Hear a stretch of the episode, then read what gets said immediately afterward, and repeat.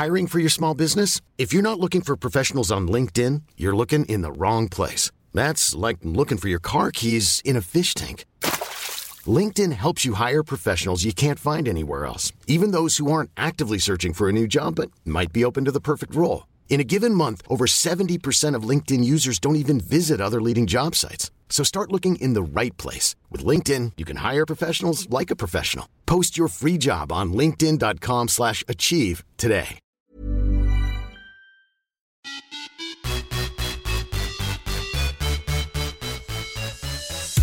Och välkomna till podden Viss Svärm on the run med mig Josefin Svärm och Sara Viss.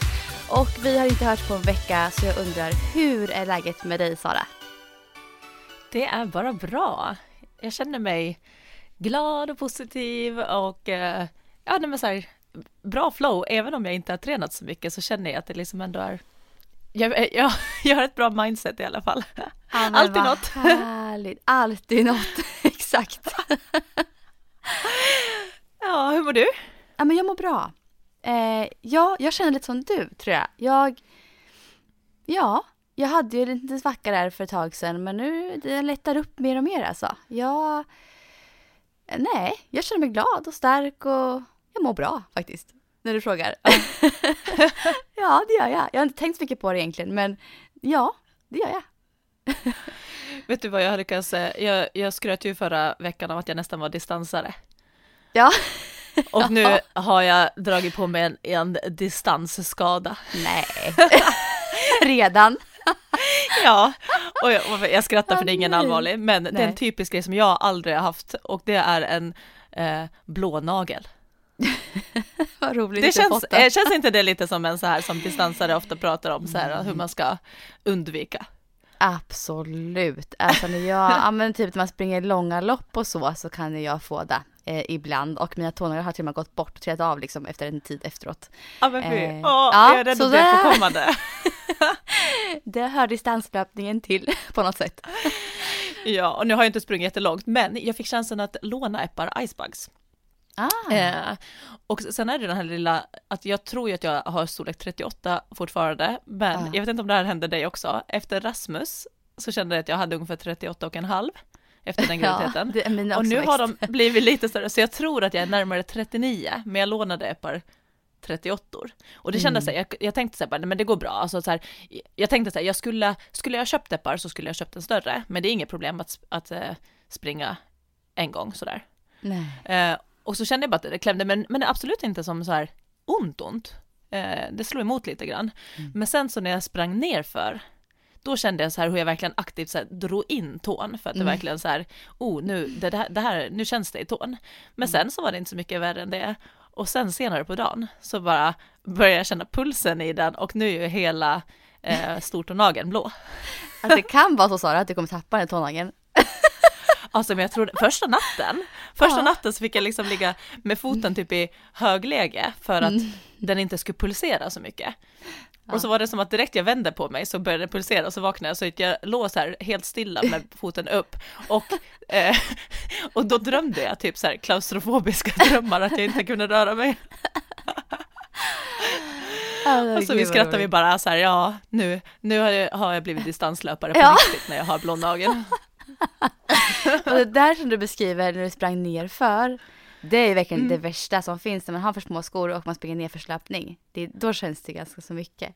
Det är jätte, Ja. ja. obehagligt. jag Och jag känslan. tänker att icebugs är dessutom ganska så här hårda, Ja. hårda skor, både under till men också liksom, de, de var, det var ganska hård sko skulle jag säga, Mm. liksom att hela skon var så här, så att det var, eh, ja det var jätteskönt dock att ha icebugs, för nu, kan Mm. jag säga, nu är det glashalt utanför oss.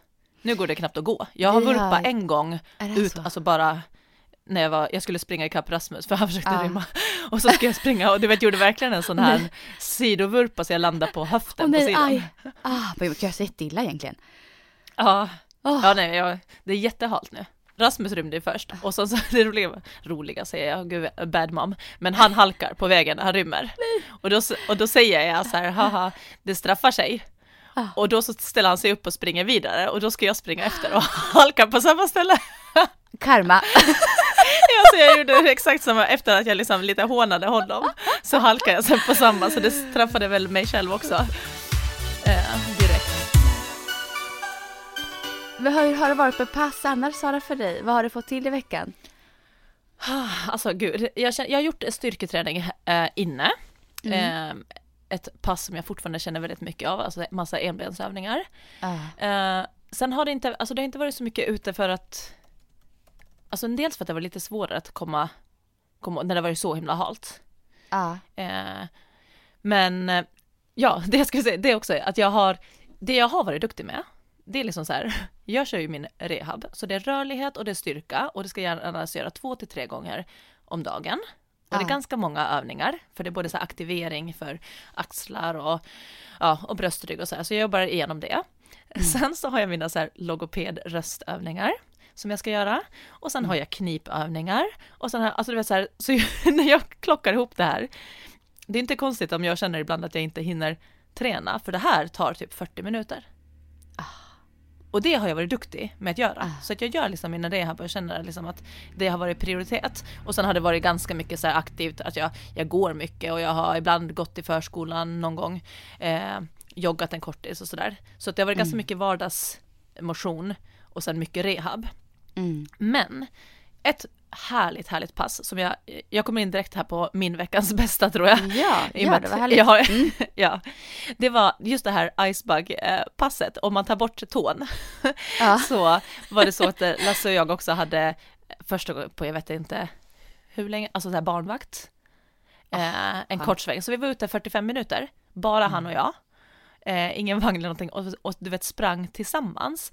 Så vi sprang ju då liksom ehm, dels på lite så här eh, vägar, det var där det var väldigt så här halt, men så tog vi också in i, alltså i ren skog, där det inte alltid var stig. Mm. Så man fick springa väldigt så här höga knän, man fick springa liksom och titta var man satt fötterna. Ibland var det så här lite skare som man kunde hålla sig på och ibland så sjönk man igenom. En gång hamnade vi ner någonstans där det var vatten, så så här mitt var vänster fot blöt. eh, och så där, och det var liksom, det gick ju absolut inte snabbt, för det gick ju inte att springa snabbt. Vi skrattade någon gång att vi joggade och det var fem, tio minuters tempo, men då var vi ju inne i liksom lös snö i skog. Ja. Men att man ändå joggade på och vi pratade hela vägen och det blir så här, det var så, du vet, det kändes som att man var så här nykär när man kom tillbaka för att vi hade liksom bara fått prata vi två eh, och sprungit runt bara utan att veta riktigt vart vi ska, bara springa runt i skogen efter varandra och bytte om sen, nu får du vara först, nu får jag vara först. Eh, och det var, det var så mysigt. Och Ah. att även om det inte gick så snabbt så tänkte jag vi sprang ändå 5,7 kilometer blev det på Ah. I klockan. Och, Och den höll- även om det inte terrängen går Ja, för vi höll ju ändå igång, alltså som att vi joggade ju. Eh, så även om det inte gick snabbt på grund av just så här underlag och skog och så, så är det ju ändå en bekräftelse för mig lite så här att eh, jag kan hålla igång så pass mycket och det kändes bara eh, härligt.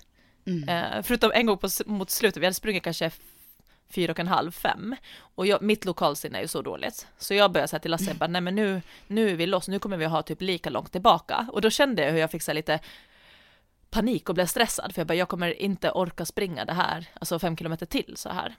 Nej. Och då så här, han bara, nej nej, alltså vi, vi har typ 600 meter kvar, sen är vi hemma. Och jag trodde typ att vi var helt i andra ändan. så att jag bara, är du säker? Han bara, ja ja, vi ska bara upp, upp på den här vägen. med, Så tror var- Ja, och då så här, men då märkte jag också när jag började tro det här att vi hade lika långt kvar, hur jag blev så här stressad på rösten och så här bara, nej, alltså du vet lite så här, eh, och, och då var det så eh, att jag märkte att när vi började jogga hemåt då, så att han märkte ju också att jag började, antagligen började le, lät trött och stressad. Ja. Så då istället för att säga så här, är du trött eller? Så, du vet, så märker man hur han bara, hur känns det i kroppen? Han är och då var det så tydligt. Ja, och jag, det var så tydligt att jag, jag hörde ju själv att jag lät ju som så här, oj jag är jättetrött. Ja. Men då kunde jag ändå sätta ord på det, jag bara, nej, jag- blev stressad och trodde, för jag trodde att vi, att vi hade sprungit lite lost och hade typ lika långt kvar och jag bara, det hade varit tungt. Mm. Men nu direkt jag fick veta att vi, att det är inte långt kvar, då, Mm. då var jag lika pigg igen. Så att det där var så häftigt också att känna så här hur mycket det satt mentalt, för jag fick nästan så här, ja, att han hörde ju direkt på min ton att, Mm. eh, att eh, oj, det här, nu börjar det vara typ tungt. Men egentligen var det inte tungt, men det var för att jag trodde att, vi, att, det skulle vara, att det skulle bli en mil, fast jag hade ställt in mig på typ fem kilometer. Ja men så då, det är åh, jag fattar. Så sen, men sen direkt jag visste att vi var på rätt, då var det så här, då var det inte alls tungt igen. Och, så, och då tänkte jag ändå så här, gud vad härligt ändå att jag kan springa så här 5-6 kilometer även i skog och terräng. Ja. Eh, och är på den nivån nu. Att vi kunde prata under tiden och ha, ha jättemysig stund. Gud vad härligt att höra. Alltså, alltså också härligt att höra att ni kan springa tillsammans. För jag vet ju att Lasse, Ja. han är ju väldigt duktig löpare. Alltså distanslöpare. Han springer ju mycket distans, eller hur? Eh, han gjorde Eller har det. gjort det i alla fall. det var en lögn alltså. Ja, han, hade ju som, han har ju det här eh, för, milen under 40 innan han fyller 40 och det, han Ja. fyller ju i augusti, så det är i år. Ah. Men då skulle han göra som Ah. delmål förra året att springa typ under, vad var det, 42 eller någonting sådant. Mm. Eh, och han gjorde det, men sen var det lite så här att när han hade checkat av det så började han styrketräna eh, mera och sen så har han haft mycket på jobbet så att han, han springer gärna men inte så riktigt som det var eh, i somras. Men eh, har han Eh. kvar sitt mål undrar jag då? Eller har han lagt ner det? Jag tror att han har kvar det. Mm. Eh, och att han... Ja, jag, måste, jag, jag, jag får återkomma. Jag Men tror att han har kvar det. Men att han höra. ska Ja. då sätta in en period nu löpning mot våren igen då. Det är kul att höra, för just det, det målet har jag också haft väldigt mycket egentligen genom livet. Milen under Ja. 40 har varit såhär, åh vad kul det hade varit. Eh, men jag har ju lite såhär lagt åt sidan. Men man blir lite sugen, man hör andra prata om det så blir det såhär, oh det hade varit kul. Ja, Ja. du får höra det före med honom.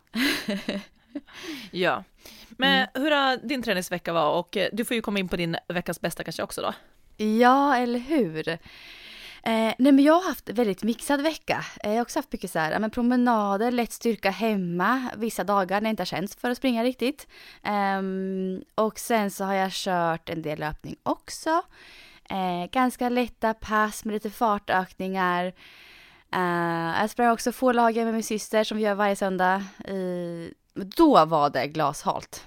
Så vi fick ju byta runda. Alltså det var isbana hela vägen. Alltså det gick inte att springa där uppe. Så vi fick ändra, vi sprang på golfbanan och lite allt möjligt. vi löste det i alla fall. Men Ja. mitt bästa pass den här veckan, det var i förrgår. I måndags, nu poddar vi i onsdag. Eh, så i måndags så sprang jag 13 kilometer eh, vart det totalt. Eh, jag började distanstempo och kände mig för, första gången på jättelänge alltså väldigt stark.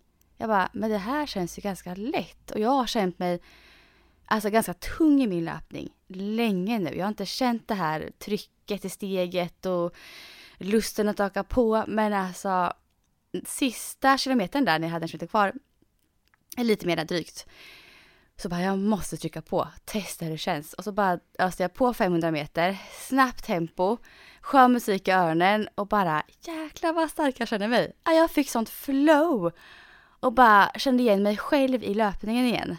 Det var så himla skön känsla. Satte ner lite, joggade och så körde en till 500 ungefär 500 meter. Eh, Jag mäter ju inte med sträckor. Men öste på, tryckte på och bara nästan spurtade sista 100 meter. Och bara, alltså det var så skön känsla. Jag kände mig så stark. Det var Gud, nära till tårar kan jag säga. Alltså det var så här, det var runners high. Och det har jag inte haft, jag vet inte sen när jag hade sist. Men nu fick jag ha den känslan igen. det var jättehärligt. Men gud, vad tror du att det beror på att det kändes så lätt? Hade du så här, har du sovit bättre eller haft mindre på jobbet eller alltså? Ja, jag har haft lugnare prov på jobbet. Eh, det tror jag har väldigt mycket med att göra. Det här med att helheten i livet påverkar prestationen, som vi pratade om förra veckan, eller förra, förra veckan, väldigt mycket. Både med kost och vila och liksom återhämtning, hur det hänger ihop så jäkla mycket med hur man kan liksom se progression i sin träning. Eh, hur mycket det påverkar träningen. Eh, och det, jag har tagit ganska mycket, kört mindre mängd träning de här veckorna. Eh, men fått mycket mer återhämtning. Med familjen, med vila. Eh, känner mig mentalt tillbaka. Jag hade ju en som sagt en dipp i, i, i um, julas som har vänt. Jag är med positiv inställning till saker och känner så här ett annat lugn i kroppen tror jag. Och jag tror att det har liksom påverkat också eh, träningen lite. Och att jag har inte har forcerat någonting. Jag har liksom läget. Jag har tagit det lugnt jag behövt ta det lugnt. Jag brukar göra det, men jag har varit väldigt vaksam nu de här veckorna. Eh, hur jag svarar på, på mat och träning och allting. Ehm, jag tror att det kan vara det som har gjort att jag kände mig så himla stark. Ehm, det känns som att det har påverkat eh, de bitarna. Så, så himla Vilken skönt. härlig känsla. Ja, Ja. det låter Verkligen. jättebra. Så, så härligt. Ja. Så det var absolut, utan tvekan, eh, veckans bästa för mig. och den känslan och allt som var i det passet. Eh, jag tänkte på, jag har, det känns som att det har dragit igång lite så här friidrottstävlingar igen. Ja. Eh, så de har ju kommit igång lite på inomhustävlingar och det, var ju, det är ju kul, då får man ju se mer, för de webbsänder ju mycket mera nu än vad de har gjort innan coronan. Så det är ju faktiskt en av de här positiva sakerna man kan få se på när Sverige, eliten i alla fall, eh, tävlar, för det är ju de som kanske får tävla just nu. Mm, mm. Eh, men då så, och det här var, tänkte jag äntligen ta upp förra veckan, för det hände för två veckor sedan, men då var det ju eh, Kadri Sangia, längdhopparen som hon är mer känd för. Hon mm. drog ju till med ett så jäkla bra 60 meters lopp. Jag tror att Ja. du såg det, eller hur? Ja. Nej jag såg på inte när hon sprang men jag såg hennes post på Instagram efteråt och då fick man ju Ja. se. Ja. Exakt, så eh, klippet finns på hennes Instagram Mm. när hon springer.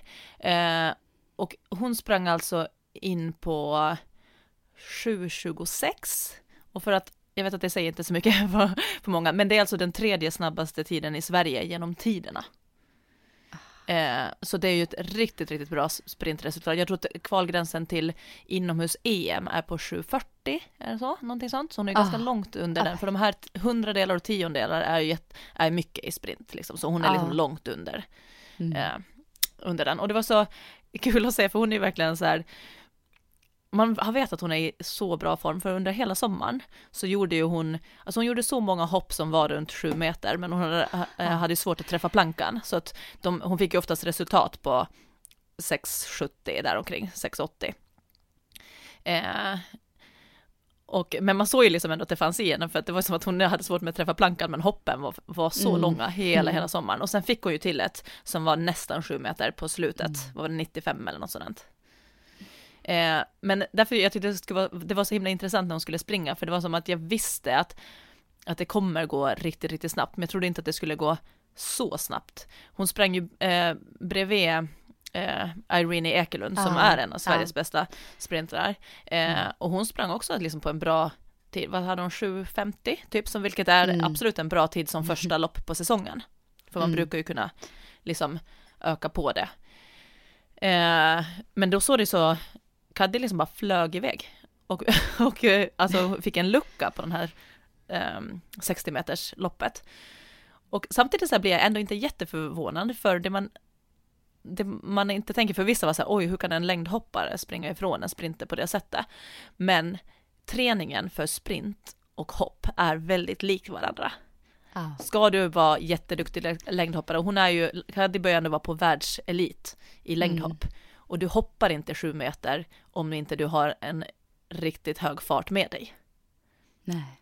Så de hänger ju ihop, man måste ju vara riktigt snabb för att kunna hoppa långt. Eh, och hon tränar ju, alltså jag tror att de tjejerna tränar ganska likt. Det är tung styrketräning, det är explosivitet, det är Mm. löpning, det är hopp, för det gör ju alla sprintrar också, hoppar. Så men jag tycker att det är härligt också att se den mångsidigheten.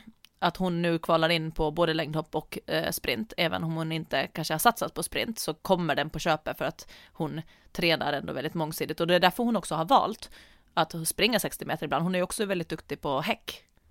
Mm. Eh, och det tycker jag det är kul att se, att liksom, hon tränar mångsidigt fortfarande, fast hon börjar vara på världselit. Och känns som att hon fortfarande säger, ja, jag kanske ska springa 60 meter också. Att hon inte helt har bara bestämt sig.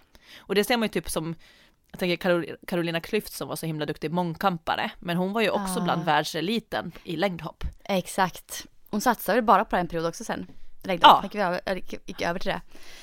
Helt och hållet. Så det är kul att se liksom hur, eh, hur resultaten kan komma ut på, på flera grenar för att hon också testar. För de flesta Mm. testar ju inte, eller kanske gör inte det. Så att, Nej men jag tänker att den satsningen hon gör på sprinten måste ju också gynna hennes satsning på, i längdhoppet. Ja, absolut. Jag tror, jag tror inte många, så många vågar ju- satsa på två men det, jag tror det kan verkligen gynna henne. Ja, och att de liksom prioriterar det, för man kanske tänker tidsmässigt att man inte hinner. Sen Mm. skulle hon, även om hon bara satsar på längd, så skulle hon ändå ha rena löppass i sin träning. Ja, det det är är jag klart. alltså säker på. Men nu Ja. blir det liksom ändå att hon får gå in och också eh, göra en tävling i det och liksom, det blir ju lite en annan, eh, Mm. ett annat fokus också då. Mm. Eh, Så det var väldigt eh, kul att se, så vill man se hennes lopp så kan man gå in på hennes Instagram. Eh, och det, jag älskar också hennes tränare, Eh, de verkar ha så himla härlig stämning. Jag Alltså vet. både hela den gruppen, de är som en liten Ja. friidrottsgrupp. Och de firar och de glada, de skrattar, de dansar, de är så här, Mm. jag vet inte, de verkar ha väldigt, väldigt roligt på träningarna och det tror jag också att det är ett eh, vinnande koncept.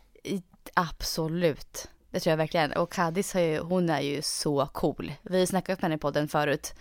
Ganska mycket. Eh, hennes prestationer förra året. Eh, sån mycket power hon har den kvinnan. Ja, Ehm, och jag tänker så att du måste ju Sara, när du ser det här så måste du känna ett sånt sug efter friidrottstävlingar. Ja, ja, ja men verkligen, och jag märkte så här, Ja. Hur det mentala har gått, för att när det inte varit tävlingar att titta på, och jag har inte haft, varit inkluderad på något sätt i friidrottsvärlden på så länge, så att eh, jag har fått jobba lite mentalt vissa perioder, att det känns som att Ibland har det känts så här bara, gud jag kommer aldrig komma tillbaka, för det känns så långt borta. Eh, Och eh, i och med att jag inte heller liksom tränar friidrott på det sättet nu.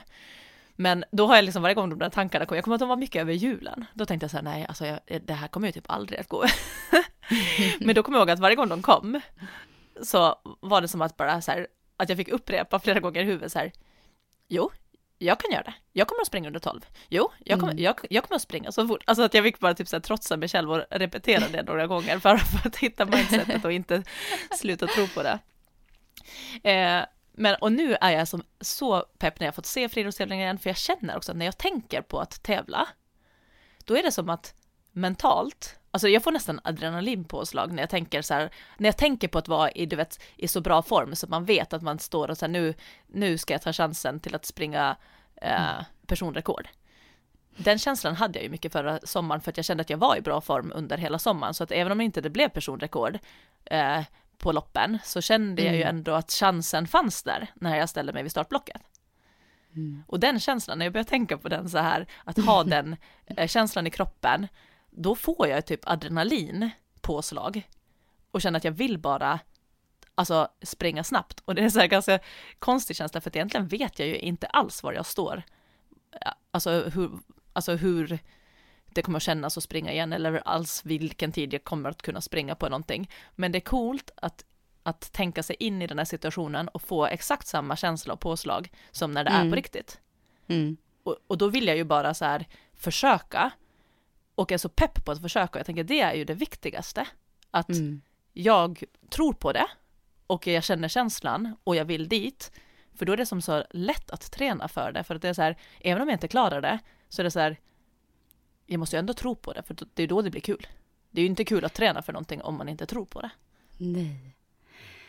Men jag tror också så här att det är väldigt bra att se tillbaka på det man har gjort. Alltså för att få den här känslan du beskriver nu så här. Du, du vet ju hur det känns att vara i den här Ja. toppformen. Att veta så här, det här, jag kommer kunna prestera idag. Den känslan man har i kroppen då är ju fantastiskt.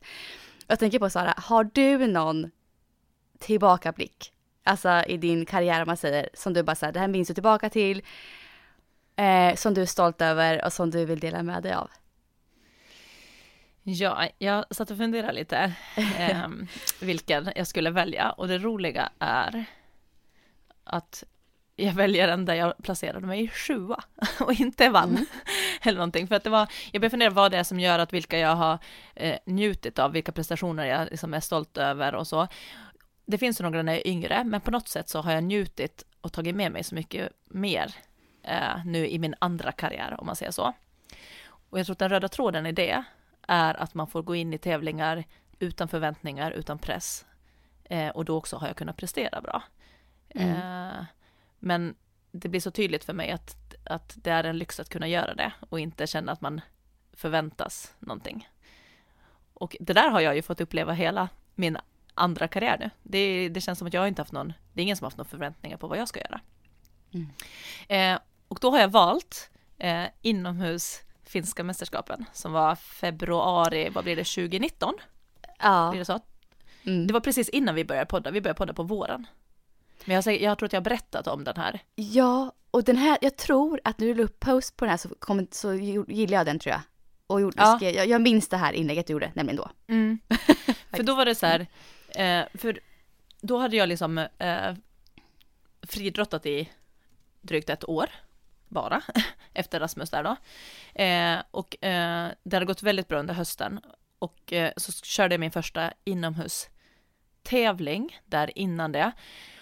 Och den, eh, när jag tävlade förut så hade jag ju aldrig varit under 8 sekunder på, på 60 meter. Jag trodde jag hade sprungit 8.01 eller 02 eller något sådant. Mm. Eh, och så sprang jag ju där första tävlingen på, jag tror att det var typ 7.78 kanske. Eh, Mm. Och då, då klarade jag också då kvalgränsen till finska mästerskapen inomhus som var, jag tror det var 7.80. Eh, som jag aldrig hade haft en tanke på. Eh, men det gjorde ju att jag fick då en plats och det roliga med den här storyn var ju, alltså, eller hela hur det kom sig, det var ju också att jag tänkte först att jag inte skulle åka, för jag tänkte så här, jag har ingenting där att göra, för det här var ju, jag bara, jag kan ju inte åka och tävla mot, alltså på senior FM, för jag hade ju inte kommit så långt i min friidrottsträning ännu, så det kändes så här konstigt, och dit hade jag ju, jag hade varit med, nej inte på senior, jag hade aldrig klarat kvalet dit heller, under tiden som jag var ungdom. Men så då var det faktiskt min förra tränare från Åland som peppade mig lite och sådär, bara det är klart att du ska, det är klart att du ska åka liksom. Eh, och då kände jag, ja, jag har ju kvalat, så att jag får ju bara åka dit och ta en plats. så med lite med den inställningen, och så tävlade jag någon gång precis innan vi åkte, och då sprang jag lite långsammare, och det kändes som att jag tappade formen lite, jag var lite krasslig och jag var nej, gud, ja, men så åkte vi dit i alla fall, gjorde om min uppladdningsplan inför, för att jag, i och med att jag kände mig lite krasslig så vågade vi inte, vi tog, satt in typ bara vila hela sista Ah. veckan. Och sen kvällen innan tävling, då skulle jag gå till gymmet. Och det här var också något så att jag har aldrig gjort den uppladdningen förut, men då ska jag gå till gymmet och köra explosiva knäböj med skivstång och eh, Mm. boxhopp och gjorde ganska mycket alltså på kvällen eh, innan, Ja, innan tävling. Ja.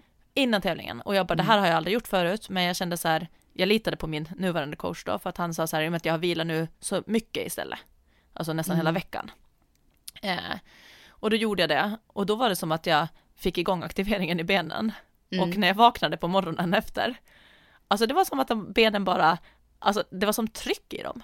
Ja men de vill bara hoppa och springa, det är liksom, så jag var så pepp redan när jag gick dit och så, Det är coolt. Att det kan sån Ja. effekt. Vad häftigt. Ja.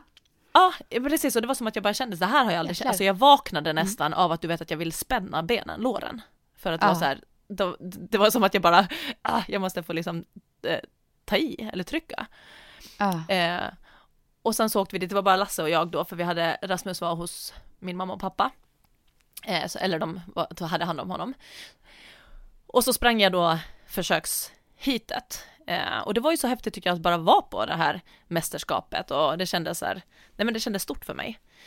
Och så springer jag på 7.73, vilket är personrekord med en hundradel.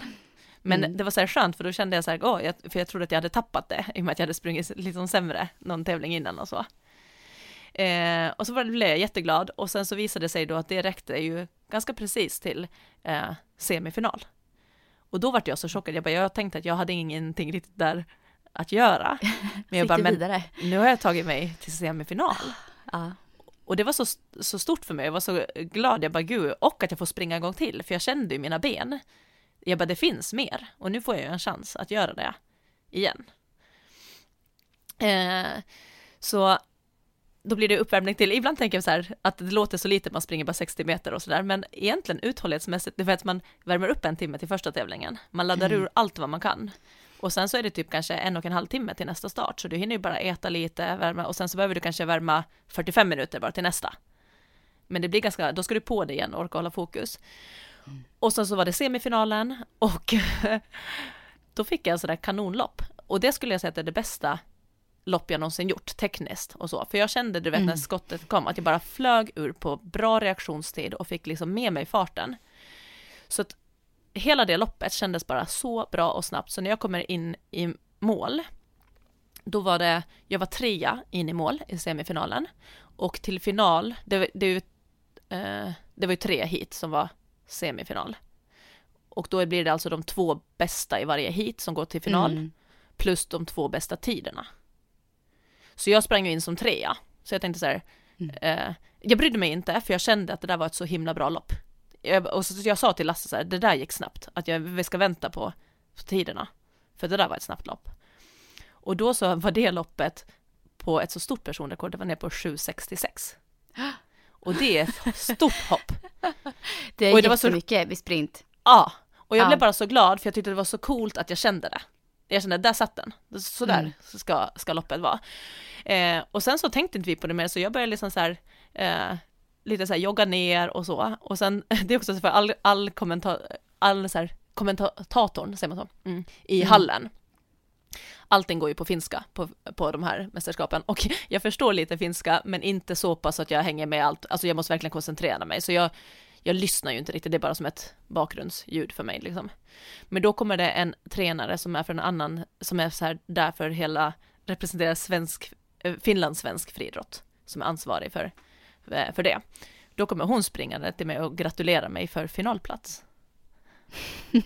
och då har jag alltså, fast jag var trea då i loppet, i ner. mitt hit, så hade ju Mm. vi det snabbaste hitet av, av alla. Så att min tid var ju in på final.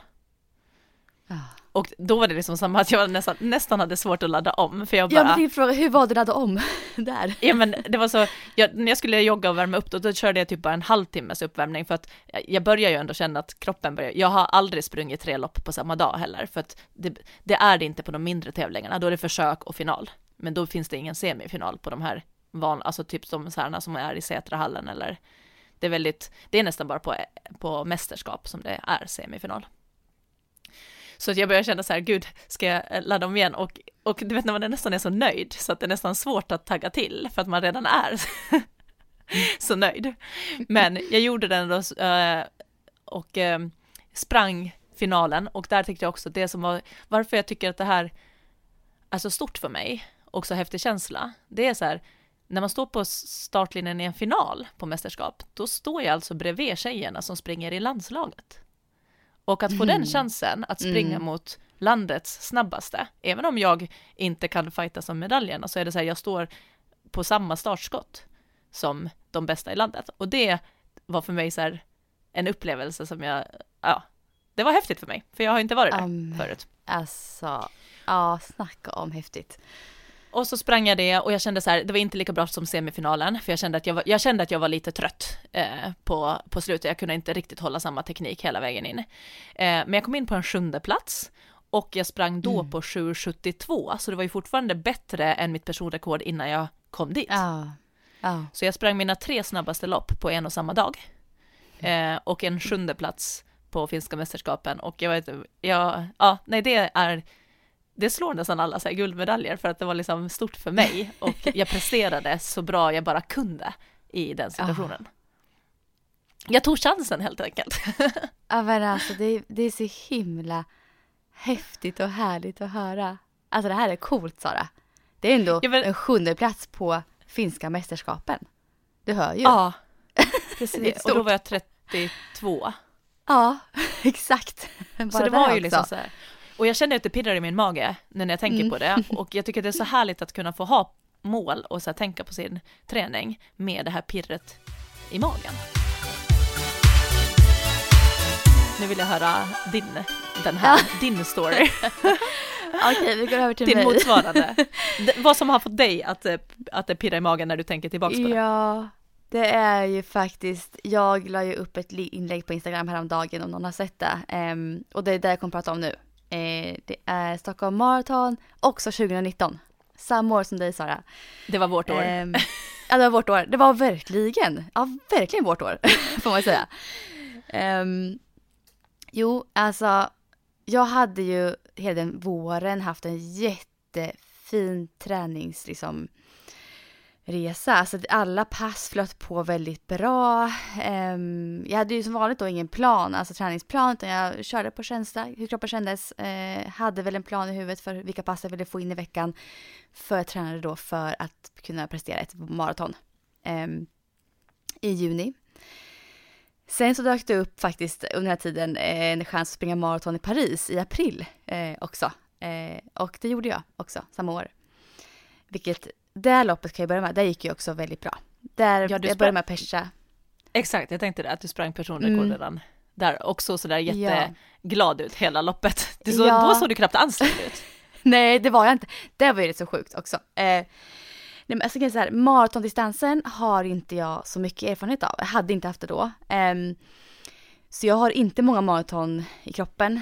Eh, och hade verkligen inte det inför Paris maraton. Eh, och visste inte riktigt så vad jag kunde prestera på den distansen. Och vet fortfarande inte vad jag kan prestera på maratondistansen egentligen. Om man skulle gå in för det en längre tid. Men då, så då hade jag sprungit något lopp på Jag tror jag hade typ 3.40 eller någonting kanske. Innan det. Och jag visste inte. Och då, då tog jag det lugnt det här loppet. Eh, och så sprang jag in Paris Marathon på 3.26. Och var typ inte trött. Jag var trött efter, när det var fem kvar kanske. Men jag var pigg alltså nästan hela vägen in i mål. Det är sjukt egentligen. Och där var jag rätt så chockad över just då. Och bara så här, men gud, alltså 3.26 och jag är inte så trött. Um, så bara det ha med sig det i ryggen då inför Stockholm Marathon var ju väldigt skönt. Så jag är helt säker på att det loppet gjorde att jag fick självförtroende för att springa Stockholm Marathon bra. Um, ja. Och så inför, jag är tvärtom mot dig Sara, för jag hade ju förväntningar istället då på mig själv att kanske mm. prestera mm. ganska bra på Stockholm Marathon. Um, Känner du då så, att det, att det liksom pushar dig i en bra riktning eller känner du att du kan känna av lite så prestationsångest när du förväntar dig? Jag tror att hade jag varit yngre, jag minns friidrottstiden som ung, då kunde jag inte prestera när jag hade press på mig. Nej. Alltså jag presterade som sämst på varenda tävling när jag var yngre. Eh, träningen gick jättebra alltid men tävlingen gick dåligt oftast för att jag fick sån press på mig. Men det har ändrats med åren tror jag. Eh, jag hade lite press på mig själv men det var en skön press för jag kände ändå ett, alltså, ett så starkt självförtroende i det också samtidigt. Eh, och jag tror inte att så många andra har så mycket press på mig för det här är ju som den nivån jag är på är ju inte nära eliten. Alltså jag har inte den pressen att jag måste liksom komma bra till placeringsmässigt utan jag vill bara prestera för mig, min egen skull. Um, och då hade jag bra självförtroende när jag gick in i det här och kände så här shit det här kan jag göra bra. Har jag en bra dag så kommer det gå bra. Det visste jag ju. Sen visste jag ju inte hur bra det kunde gå. Um, men i alla fall, jag hade en jättefin uppladdning eh, inför loppet också. Jag var själv i Stockholm, eh, så på hotell själv utan familjen, så jag hade liksom inga störningsmoment runt omkring. Eh, hade jättebra sömn den natten innan, bra mat på kvällen, bra mat på morgonen. Jag fick ju inte min gröt, snackade vi om. Jag lyssnade på avsnittet häromdagen. jag skulle ladda med gröt, vilket jag inte kunde för det fanns ingen gröt på frukosten eh, på hotellet. Så jag fick äta smörgåsar istället. Eh, men det gick också bra, bevisligen. um, uh, men sen så kom jag till starten, så här, precis lagom tid, någon timme innan start, bara jag kom dit, en reskan i lugn och ro. Eh, småprata lite med folk som, som jag kände igen lite grann eh, innan loppet. Eh, och eh, gick till mitt startled. Eh, startled C hade jag. Det är ju A, B är ju elitleden där, så här på C. Så jag hamnade liksom lite efter elitleden. Eh, kan man säga. Och, och där jag hamnade var det väldigt mycket så här luftigt, man kunde jogga, kunde gå på toaletten innan start. Vet, så här, det var bara en skön uppladdning. Eh, och jag hade så en stark känsla där i kroppen. Tänkte så här redan där att okej, okay, nu det här är bra. Det, idag kommer det gå bra. Eh, och jag kände när, jag, när startskottet gick, då var det så här, okej, okay, idag så kommer jag göra ett pers. Jag kommer sätta personligt Eh, det fanns inte mycket annat i tankarna då. Det var så här, det var bara att köra. Den känslan, och den är ju så här, Ja men precis, fortsätt.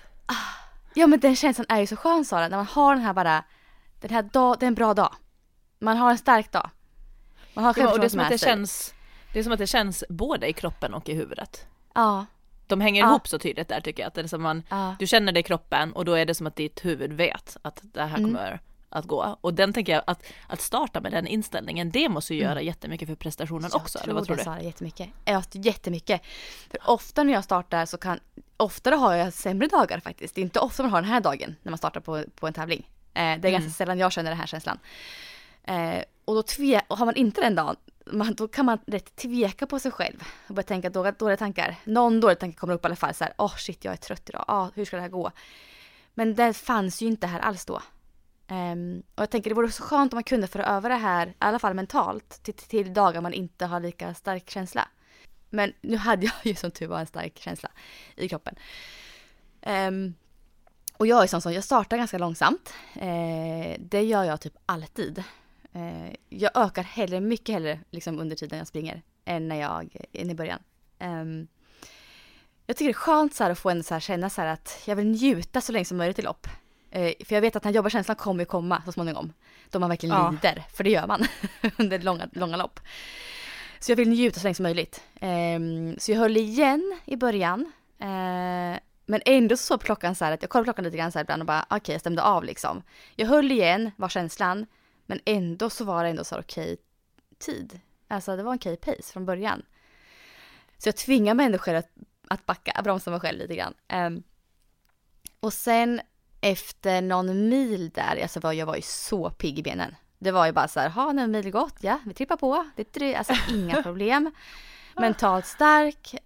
Um, och då så mötte jag upp, eller jag såg en kille från Sokoni. Jag tror det var ungefär runt en mil, men jag, inte, jag, alltså jag kan minnas lite fel här nu.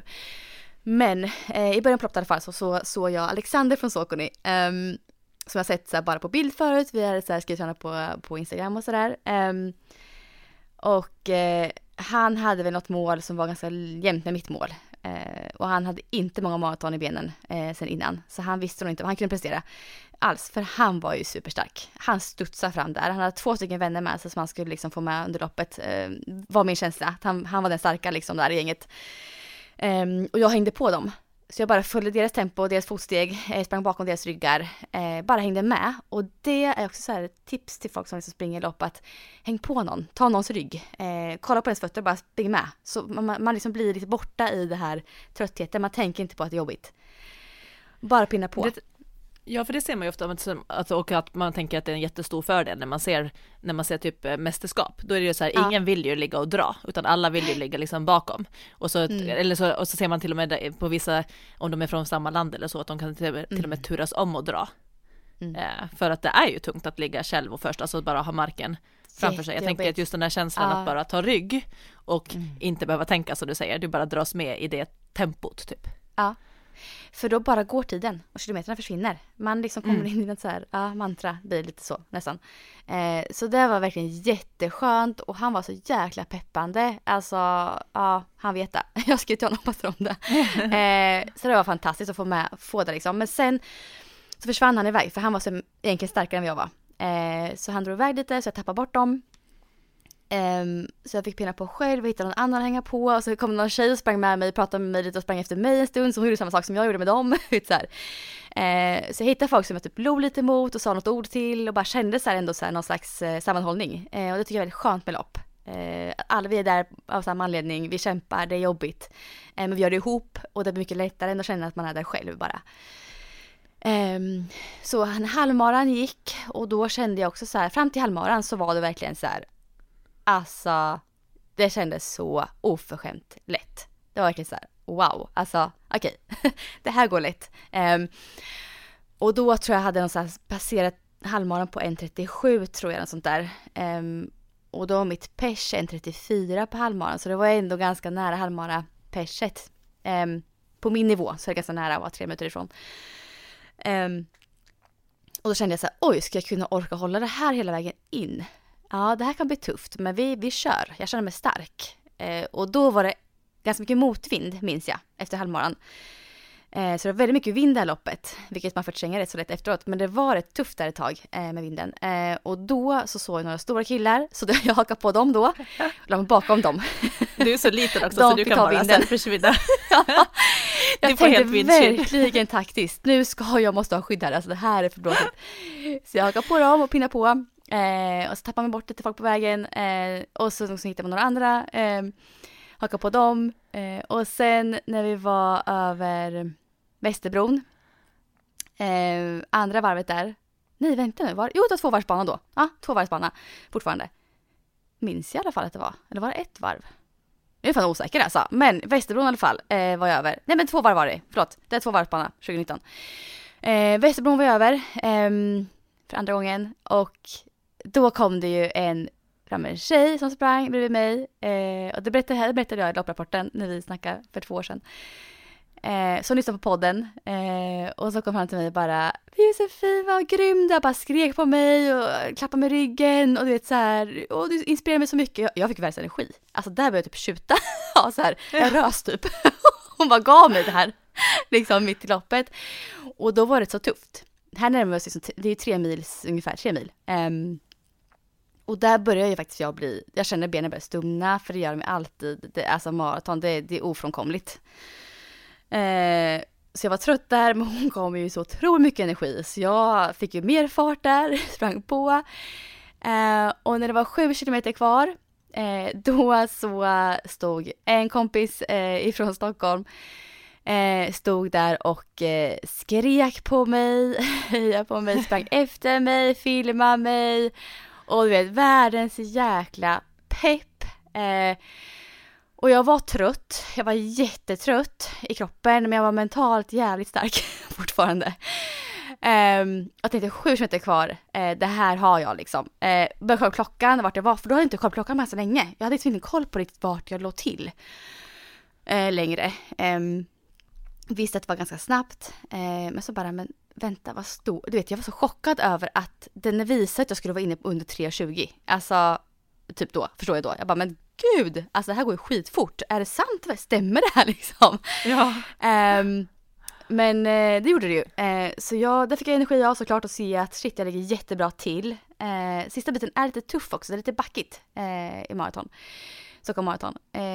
Så jag tryckte på där jag fick min cola där också då, ungefär när det var sju kvar.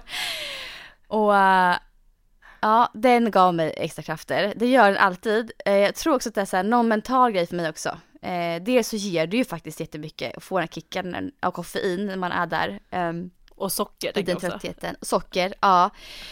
Och så vet jag, får jag cola så kommer jag prestera bättre. Jag tänker alltid så på lopp. det är någon grej för mig. Så jag bara drack den där kolan, stå stilla då. Och hela glaset bara klunka i mig och så sprang vidare.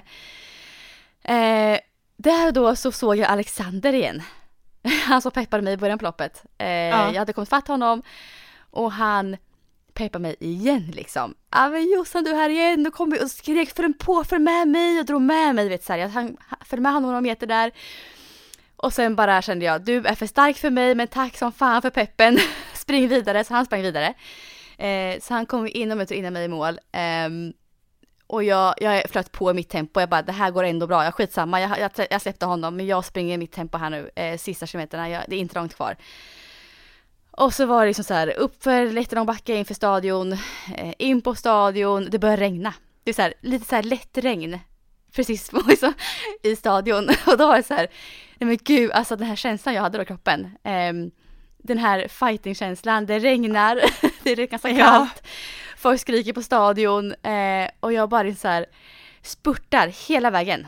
Alltså alla, alla krafter jag hade liksom att ta ut gjorde jag. Det, det fanns inget mer att ge. Jag gav allt. Visst är det från det här upploppet som det finns en bild? Ja, Som du brukar posta på Instagram. ja. För jag vet exakt vilken det är och jag känner ja. verkligen, speciellt nu när man så vet hur den känslan varit inför innan ja. att komma in på stadion. Och, så här, och den också, man ser ju verkligen så här att du go for it. Alltså du, du ser inte, man ser att du tar i, men du ser inte så ja. trött ut, utan man ser Nej. att nu, nu trycker du på allt du har. Hela ja. vägen in. Ja. Och det är så härlig bild och just det som du säger, i lite lätt regn och det är liksom så här fighting spirit i den på något sätt. Alltså det är verkligen det och jag Alltså jag tog verkligen i så jäkla mycket och bara sprang in och bara slängde mig på backen och var så jävla glad. Och folk kom fram, två funktionärer kom fram och sprang fram till mig och bara hur mår du? Och tog upp benen, stretchade ut benen åt mig så här. Jag bara låg och och jag bara grät. och jag var själv där uppe, jag hade ingen familj någonting som stod och hejade, alltså så. Jag var så här, jag var ensam fast ändå inte ensam. Ehm, Men vad tänkte du när du såg slut, när du såg sluttiden? Vad, vad var tanken jag, liksom? Jag var chockad. Eh, jag var, ja, jag var det på ett sätt, fast jag, jag visste ju ändå så att det, kom, det, kommer, det, kom, det går ju bra nu jag, under loppets gång liksom. Men hade jag sagt det innan till mig själv att jag kom, kom in på 3.18 som jag gjorde då, så hade jag inte trott på mig själv. Aldrig alltså. Nej men gud, det hade jag inte. Eh, så jag var, jag var förvånad och jag var så jäkla stolt. Alltså för jag hade krigat också. Det var ju så här, Även fast det var en bra dag, det gick rätt i början. Alltså från 30, jag krigade ju alltså. Jag krigade verkligen. Ja. Eh, och sista milen var verkligen så här, nu jag kör. Det här, det här gör ont. Det gjorde skitont i kroppen. Alltså av trötthetssmärta. Ja. Eh, så jag bara, alltså det här loppet är ju så, jag kommer aldrig glömma det liksom. Eh, jag var så, alltså den här känslan, jag, jag, jag, jag har tårar i ögonen nu. Alltså jag gråter typ igen. Alltså det är så här, den känslan man kan få av att prestera. Alltså det är ju något speciellt. Ja. Alltså när man blir så stolt över sig själv och bara känner att man har gett allt man har kunnat med, i träningen och allting innan. Den tiden man lägger ner på långpassen och sliter, alltså tidiga månader och så bara ah, krigar sig i loppet och det går ju bara så jäkla bra. det är någonting speciellt. Ja, och, och visst är det ju någonting mer, det är ju inte själva bara resultatet i sig, alltså resultatet är ju såklart att det, när man blir överträffar sig själv och, och man är stolt över sitt resultat. Ja. Men det är ju någonting med just den där känslan som man kanske då hade under det loppet eller liksom alltså hela upplevelsen och tankarna, allting som man har hunnit processa på vägen på något sätt. Mm. Det är verkligen helheten. Alltså jag verkligen. Alltså man lär känna sig själv på något vis. Väldigt djupt. och liksom, Ja. Man blir också väldigt mentalt stark av att genomföra sådana här eh, saker, känner jag. Eh, och man inser verkligen hur mycket löpningen och eh, andra sporter, vad, vad, vad de gör med oss människor. Alltså när vi ändå så lyckas överkomma någonting i oss själva. Det handlar ju inte om att vinna eller komma först. Eller Skitsamma, placeringen skitsamma. För mig i alla fall det. Jag, placeringen struntar jag alltid totalt i. Alltså för mig handlar Mm. det om att överträffa mig själv. Och det är för att jag heller inte är på någon elitnivå. Så kan jag tänka så här. Eh, sen förstår jag, är man på mästerskap, typ som du Sara faktiskt är, du är ju faktiskt på väldigt hög nivå, eh, har varit och kommer vara framöver. Eh, eller som alltså på, på verkligen så här högsta, högsta världsklassnivå, då fattar jag att placeringen blir viktigare kanske än resultatet. Eh, men för mig handlar det om att överträffa eh, mig själv och kriga på och liksom så här den stoltheten jag kan känna då. Det handlar det om Ja. för mig. Eh, Ja, jag, jag skulle säga, jag håller med helt och hållet, för att jag tänker att det är en stor skillnad om man är 25 år och ligger Mm. liksom och ska prestera och bli bättre och bättre. Eh, för att jag, jag kan uppleva att även om jag nu har lyckats ta mig till bra tävlingar och kunna placera mig bra, så jag sätter inte heller, jag skulle inte säga att jag, alltså det spelar ingen roll om jag blir femma eller sjua eller tretton, alltså eller, eller 50, alltså så Nej. länge jag känner att jag har på något sätt gjort ett bra lopp. Alltså det är väl mer det att jag känner liksom så att jag, att jag vill kunna, eller får jag ha den känslan jag har haft mm. och tro på mig själv att jag kan springa snabbare än vad jag har gjort. Mm. Då är det i dagsläge inte, det spelar ingen roll egentligen då vad, vad placeringen är. Till skillnad vad det hade gjort om det hade kanske varit tio år sedan. För då hade jag ju också kanske varit på så här, jag vet ju att, jag, jag tror att jag kan gå uppåt fortfarande, du vet bli bättre, för att det finns mer utvecklingspotential. Mm. Men jag vet ju att jag inte har tio år framför mig där det kommer att gå alltså upp. Jag är, jag är ju inte där i livet, jag har inte den möjligheten ens med tid och eh, så. Nej. så att, och, då, och det är jag ju fine med, för det är inte det jag, jag jämför mig ju inte mot dem. Och då tycker jag också att det är så här, det är så skönt att kunna prestera bra, men att egentligen så är det inte placeringen som är, det är inte det som är grejen. Nej. Eh, Det är intressant att höra dig säga det också tycker jag, som ändå är på den nivån. Eh, Men jag fattar ju, för det, det det loppet du valde ut nu, är- det kommer du sjua. Så det var ju inte heller Ja. den bästa placeringen.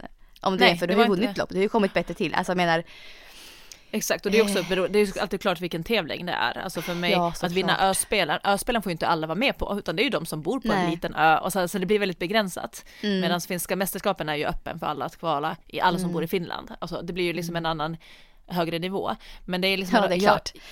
Men det som jag tror att är stor skillnad också när jag var typ yngre och då ville prestera bra och sådär, då kunde jag också vara lite nervös om jag fick typ banan bredvid någon som jag visste var jättesnabb. Eller sådär. Alltså förstår du att det, det kunde vara liksom lite stressande att veta att nu kommer den Mm. dra, iväg, dra iväg. Eh, och jag ska försöka göra mitt lopp här bredvid utan att bli stressad. Eh, och nu är det nästan tvärtom, att det är så här, jag tycker att det är jätteroligt när jag får banan bredvid någon av de liksom bästa. För att jag får chansen att springa bredvid. alltså förstår du så här. alltså mer inspirerande och mer så här wow, alltså det Ja. här, mer så. Mm. Ja, och att jag bara, jag får, alltså så här, att jag, bara att jag har tagit mig hit så är det så här att jag får stå eh, och testa att springa bredvid de som är snabbast. Det tycker jag att det är liksom, jag tycker att det är väldigt roligt och en stor så här, lyx att få banan bredvid om jag lyckas få det, för man kan ju ändå få det liksom när de lottar i försöken och sånt. Eller eh, så, så jag har ju fått springa liksom bredvid många jätte, jätte eh, snabba. Och då märker jag inställningen nu, det är nästan att jag blir så här, oh vad coolt, jag ska få springa bredvid henne. Ja men alltså det är coolt, det är så coolt. Det är verkligen det. Men det Ja. jag tänkte på nu också när jag eh, funderar på det här. eh, Jag har inte varit så här sugen på att prestera på länge. Har inte jag varit. Eh, jag har mer känt för att så här, för jag kan, jag kan också säga, jag vill lägga till det, att jag kan verkligen uppskatta de här upplevelseloppen som, bara, som man bara gör för att genomföra också. Mm. Så det är inte alltid bara prestation för mig. Jag gör ju mycket mer kanske åt andra hållet. Att jag hellre så här använder en tävling ihop med folk och den har jag haft nu mycket så här, ja ah, det är där som egentligen jag längtar efter. Men när jag fick upp det här minnet eh, så kände jag så här, shit jag saknar prestera också. Det hade varit kul att ha ett prestationsmål. Mm. Så jag gillar ju både och egentligen. Eh, så det här prestera, det är ju något visst, det är det. Det går inte att komma ifrån. Nej, jag tycker också att det, hjälper, alltså det blir roligt, eh, roligt att ha någonting att träna mot. För jag tror Mm. att, jag, alltså oftast när jag tävlar, jag, man, jag tävlar inte sådär jätteofta, men då blir det, man vill ju alltid prestera på hund, alltså man går ju inte in på 100 meter och in, alltså så som du kan springa ett lopp för nöjes. Nej, det gör man ju inte på hundra, nej precis. Nej, sen kan det ju ändå vara för nöjes. Det kan ju ändå vara för nöjes Ja. att jag känner att jag inte bryr mig, att det inte är meningen att jag ska springa person, utan det kan ju vara ett syfte att bara checka av eller träna på att tävla och sådär. Men man, man går ju alltid all in på sprint. Det, det är ju Ja, ingenting annat. Men då blir det skillnad ju. Träningen i sig, tycker jag att det är ju kanske den här, det som du ändå Mm, det. säger att, att det är roligt att bara vara med och sådär. Så är ju typ träningspassen, att det blir ju eh, resan dit. Det är ju viktigt att den är, att man har kul och njuter liksom Mm. Mm. på den. Men jag blir också, jag blir väldigt sugen på att prestera, men jag känner att i och med att, eh, i och med att jag nu liksom inte har så här, sovit så bra och är kanske inte träningsmässigt där jag eh, riktigt hade tänkt, så känner jag också att jag har inte blivit, jag är inte så stressad. Tanken var att jag skulle tävla i sommar och jag tror att så här, Mm. Alltså att checka av formen och så. Och jag hoppas att det kanske blir något i slutet på sommaren, men jag märker redan nu att det är inte jätteviktigt heller, utan det jag vill är att kunna till hösten gå in i en bra träningssäsong. Sen om det betyder att jag har tävlat innan eller inte, egentligen så känner jag att jag hoppas såklart men jag förstår att det är inte så här, jag känner mig Mm, inte stressad ifall att det inte skulle bli, Nej. för det är viktigare för mig Mm. att känna att jag är, är i eh, riktigt bra träningsform och gå in i en bra säsong för hösten, än att checka av att tävla. Alltså jag kommer ju bara tävla om det känns Mm. verkligen så här att jag eh, verkligen känner mig 110% redo liksom.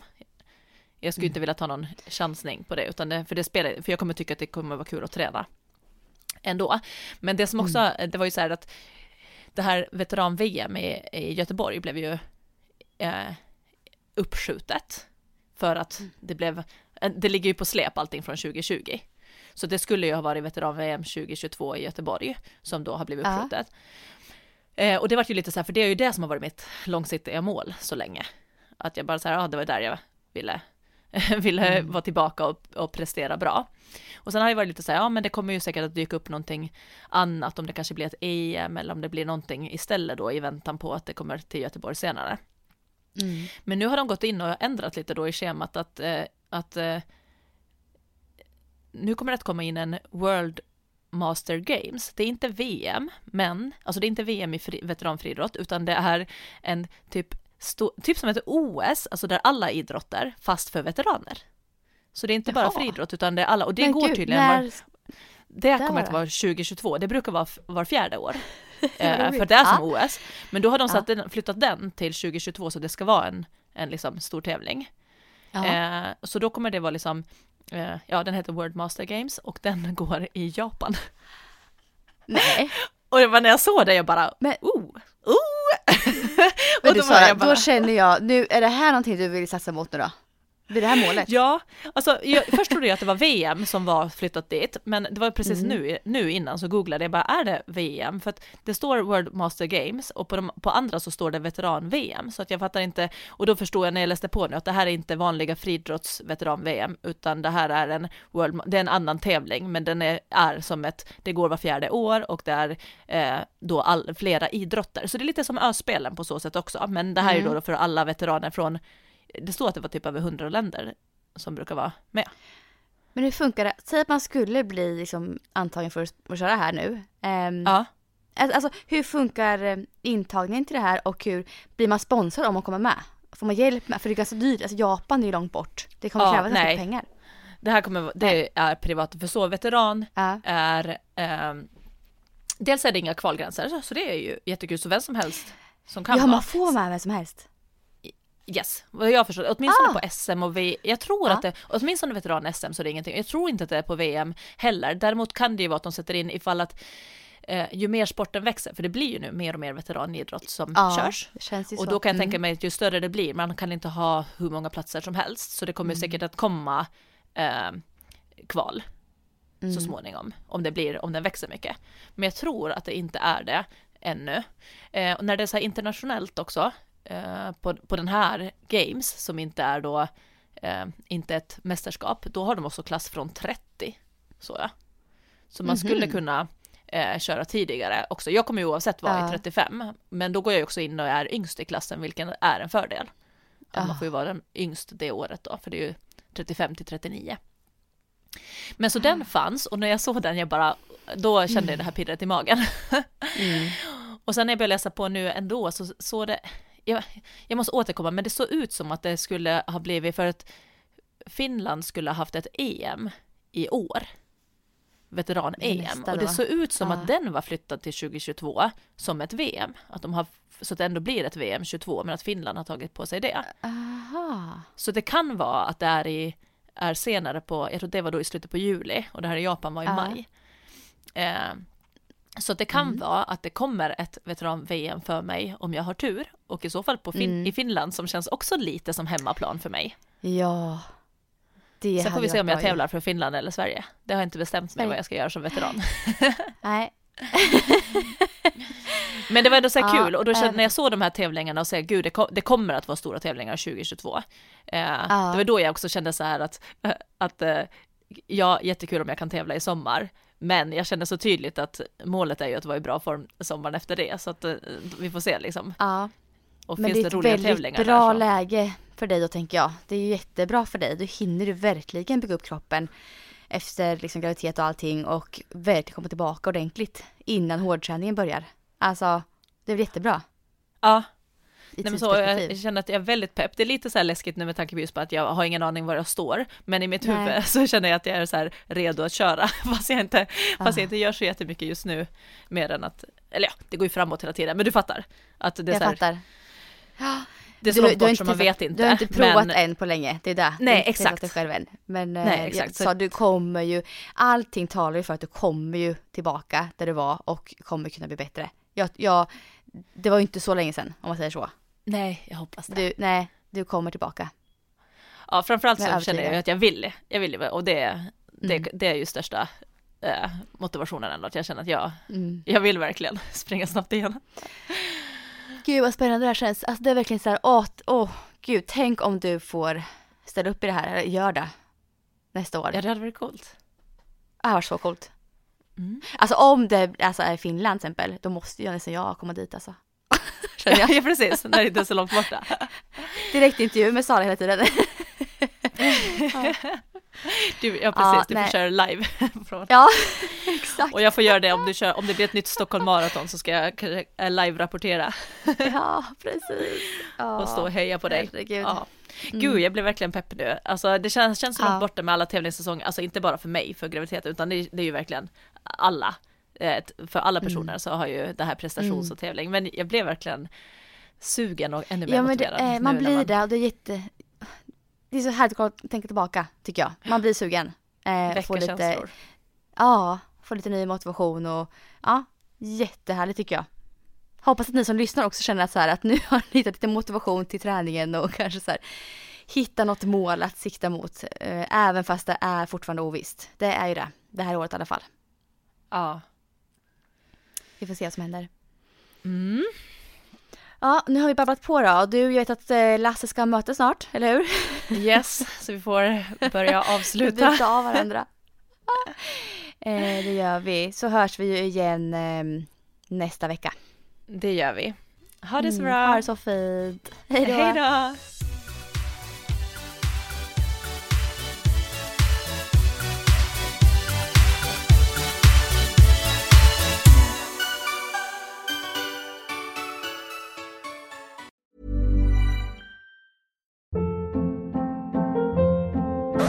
Hold up. What was that? Boring. No flavor. That was as bad as those leftovers you ate all week. Kiki Palmer here, and it's time to say hello to something fresh and guilt-free. Hello Fresh. Jazz up dinner with pecan-crusted chicken or garlic butter shrimp scampi. Now that's music to my mouth. Hello Fresh. Let's get this dinner party started. Discover all the delicious possibilities at hellofresh.com.